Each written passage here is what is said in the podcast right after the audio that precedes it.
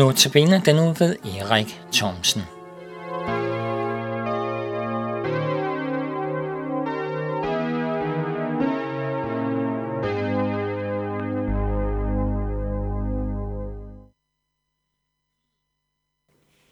I den kommende uge er det Erik Thomsen, som holder notabeneandagterne, og jeg, Henning Gorte, har Erik her i studiet, og benytter anledningen til at præsentere Erik. Velkommen, Erik. Tak skal du have.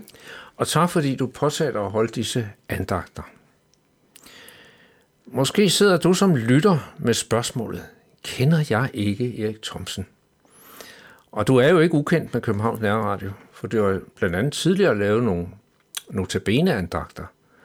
Men kan du fortælle lidt om dig selv, for lige at spore lytteren ind på, hvem du er? Ja. Spørgsmålet er, om man kan fortælle lidt om sig selv, og hvad er i øvrigt vigtigt lige for en lytter at høre. Men øh, det vigtigste for mig, det er jo min øh, familie. Det er jo min kone og mine tre børn, som nu er unge, og mine svigersønner. Det er jo det, som på en eller anden måde er et fundament i mit liv. Og så er jeg jo en kristen, ja. og det er jo øh, først og fremmest et, et, det stærkeste fundament for mig, og det der, alt det andet udspringer fra, først og fremmest min familie, mine venner, min kirke, min menighed, jeg kommer i, og, og mit liv i det hele taget. Jeg synes selv, at jeg er et meget taknemmelig menneske, når jeg sådan tænker på, hvad jeg har oplevet i mit liv. Jeg har godt nok oplevet mange spændende, udfordrende ting i mit liv, både på mine arbejdspladser og i mine forskellige gørmål. I øvrigt også spændende at lave øh, radio her. Så, øhm, så jeg synes, jeg kan se tilbage på et, et rigtig spændende liv, men også se frem til et fortsat spændende liv. Ja. Fordi jeg synes egentlig, at livet det indeholder så mange spændende, udfordrende ting. Du har prøvet rigtig mange ting, Erik, men vi kan jo ikke snakke om dem alle sammen. Nej. Men, men der er i hvert fald én ting, jeg synes, der er meget spændende.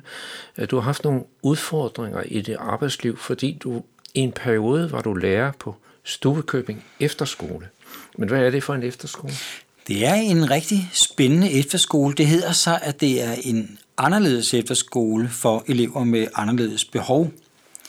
Og øh, det synes jeg var rigtig, rigtig spændende, fordi jeg i hvert fald i mit liv godt kan forestille mig lidt omkring, at livet er jo sådan meget efter, øh, som vi alle sammen synes, men hvem er vi alle sammen?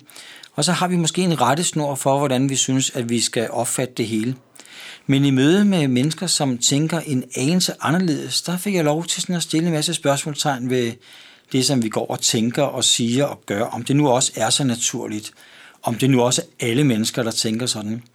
Så jeg blev stillet over for rigtig mange andre perspektiver, både omkring, hvad livet i virkeligheden er, og hvad vi skal med livet. Og så var det rigtig spændende at arbejde med mennesker, som tænkte anderledes end mig. Har du en, en, en speciel udfordring, du tænker på der, eller, mm. eller en eller anden elev, eller noget, der springer frem, og du mødte, jeg som tænker, gav dig en udfordring? Jamen, øh, Søren Kierkegaard siger det jo egentlig så, så smukt, at hvis man vil nå et menneske, så må man gå hen til det menneske i den situation, ja. som det menneske befinder sig i. Jeg har jo ofte haft det sådan med, at mennesker skulle komme over til mig. Det her mener jeg, det her det er mit facit, det er sådan, jeg ønsker det. Men her, der, der var jeg nødt til, og synes faktisk, det var ret spændende, at skulle bevæge mig over til en anden. Hvad er dit udgangspunkt? Øh, hvorfor tænker du sådan? Og så lad os i øvrigt bevæge os sammen. Ja. Og det var både fagligt, men øh, i høj grad også menneskeligt. Og det har jeg øh, siden øh, haft stor glæde af, at tænke en lille bitte smule anderledes, når jeg møder mennesker. Jamen, hvad er det egentlig, der er deres udgangspunkt for ja. at mene og ja. sige og handle, som de gør? Så på et tidspunkt, så får du en helt anden udfordring. Fordi det er jo i hvert fald en anden type udfordringer. Øh, der var du forstander på Nordsjællands efterskole. Hvad er det så for en efterskole? Jamen, det er en kristen efterskole, der ligger op i Nordsjælland, som der ligger i ordet der. Man kan sige, at vores Stubekøbing var en efterskole for elever med anderledes behov, så, så bliver jeg alligevel stillet over for det, jamen har vi ikke alle sammen brug for et eller andet, der lige netop til gode ser os, eller møder os, sådan som vi er. Så jeg synes nok, jeg kunne øh, tage en del med mig fra Stubekøbing Efterskole i møde med at enhver ung, som jeg møder, har jo lige netop nogle individuelle behov om at mødes forskelligt. Man kalder det en almindelig efterskole, almen efterskole, men alligevel så synes jeg, at der var nogle spændende udfordringer i at møde alle de enkelte elever, sådan som de var og er.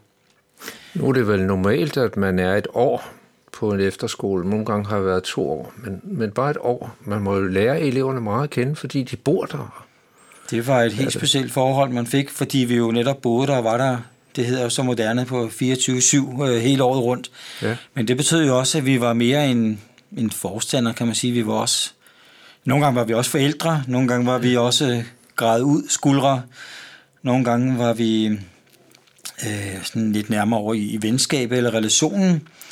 Men i hvert fald så kom man ualmindeligt tæt på, og, og rigtig mange af forhold øh, behøvede vi egentlig ikke at dele med andre, fordi det var noget, der var sådan internt mellem os og, og den enkelte elev, eller den enkelte forældre og, og os, og det var, det var en fantastisk øh, både samarbejde, men også øh, måden, vi fik lov til at komme tæt på ja. andre mennesker.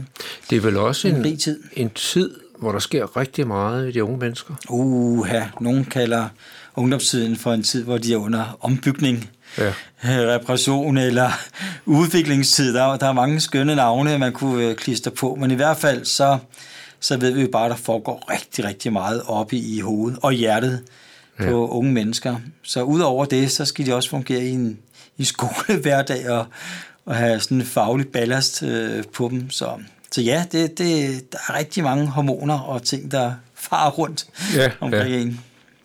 Men Erik, nu det her, det er jo så nogen, hvor du har mange mennesker. Så har du også en, en udfordring i at sidde alene. Øh, jeg har kaldt det din litterære løbebane. Øh, du er begyndt at skrive lidt også. Altså i virkeligheden, så er det jo, øh, det er jo mennesker, jeg har mødt på min vej gennem min nu 52-årige liv, som, som har lært mig noget om livet, og, øh, og jeg synes på en eller anden måde, at jeg har lyst til at, at prøve at beskrive alle de ting, som jeg har fået erfaring med, og de øh, spændende mennesker, som jeg har fået lov til at møde øh, i mit liv. Og samtidig så er det jo nogle af de ting, som jeg sådan selv har gået og, og spekuleret på, undret mig over, filosoferet lidt over, øh, irriteret mig over, øh, fundet forståelse for, som jeg forsøgte at, at samle i en, en bog.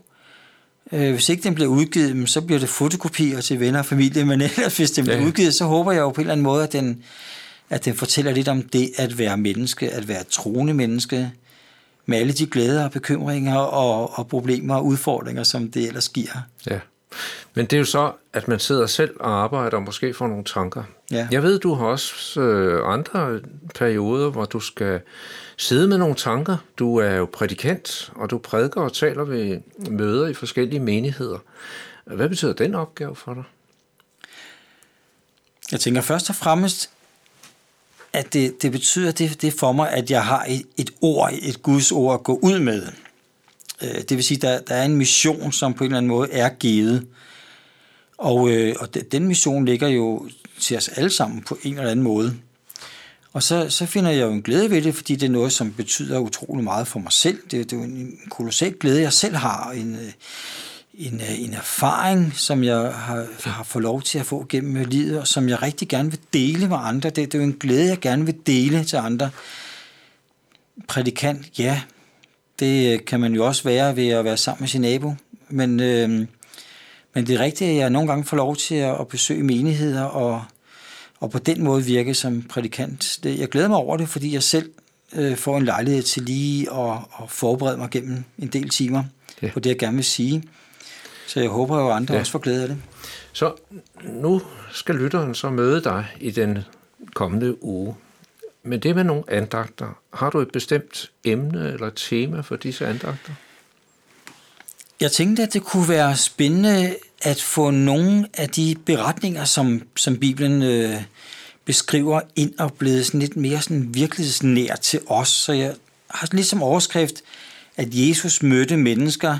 Vi læser om det i, øh, hvad andagterne angår i det nye testamente, men at det ikke bare bliver et historisk ris, som nogle beretninger, der står i, i Bibelen, men at det også bliver en, øh, en parallel, en overførsel til, at Jesus jo altså også møder mennesker i dag, dig og mig, og at det, øh, den måde, han mødte mennesker på dengang, også øh, bliver øh, nærværende for os i dag. Fordi han møder os på nøjagtig samme ja.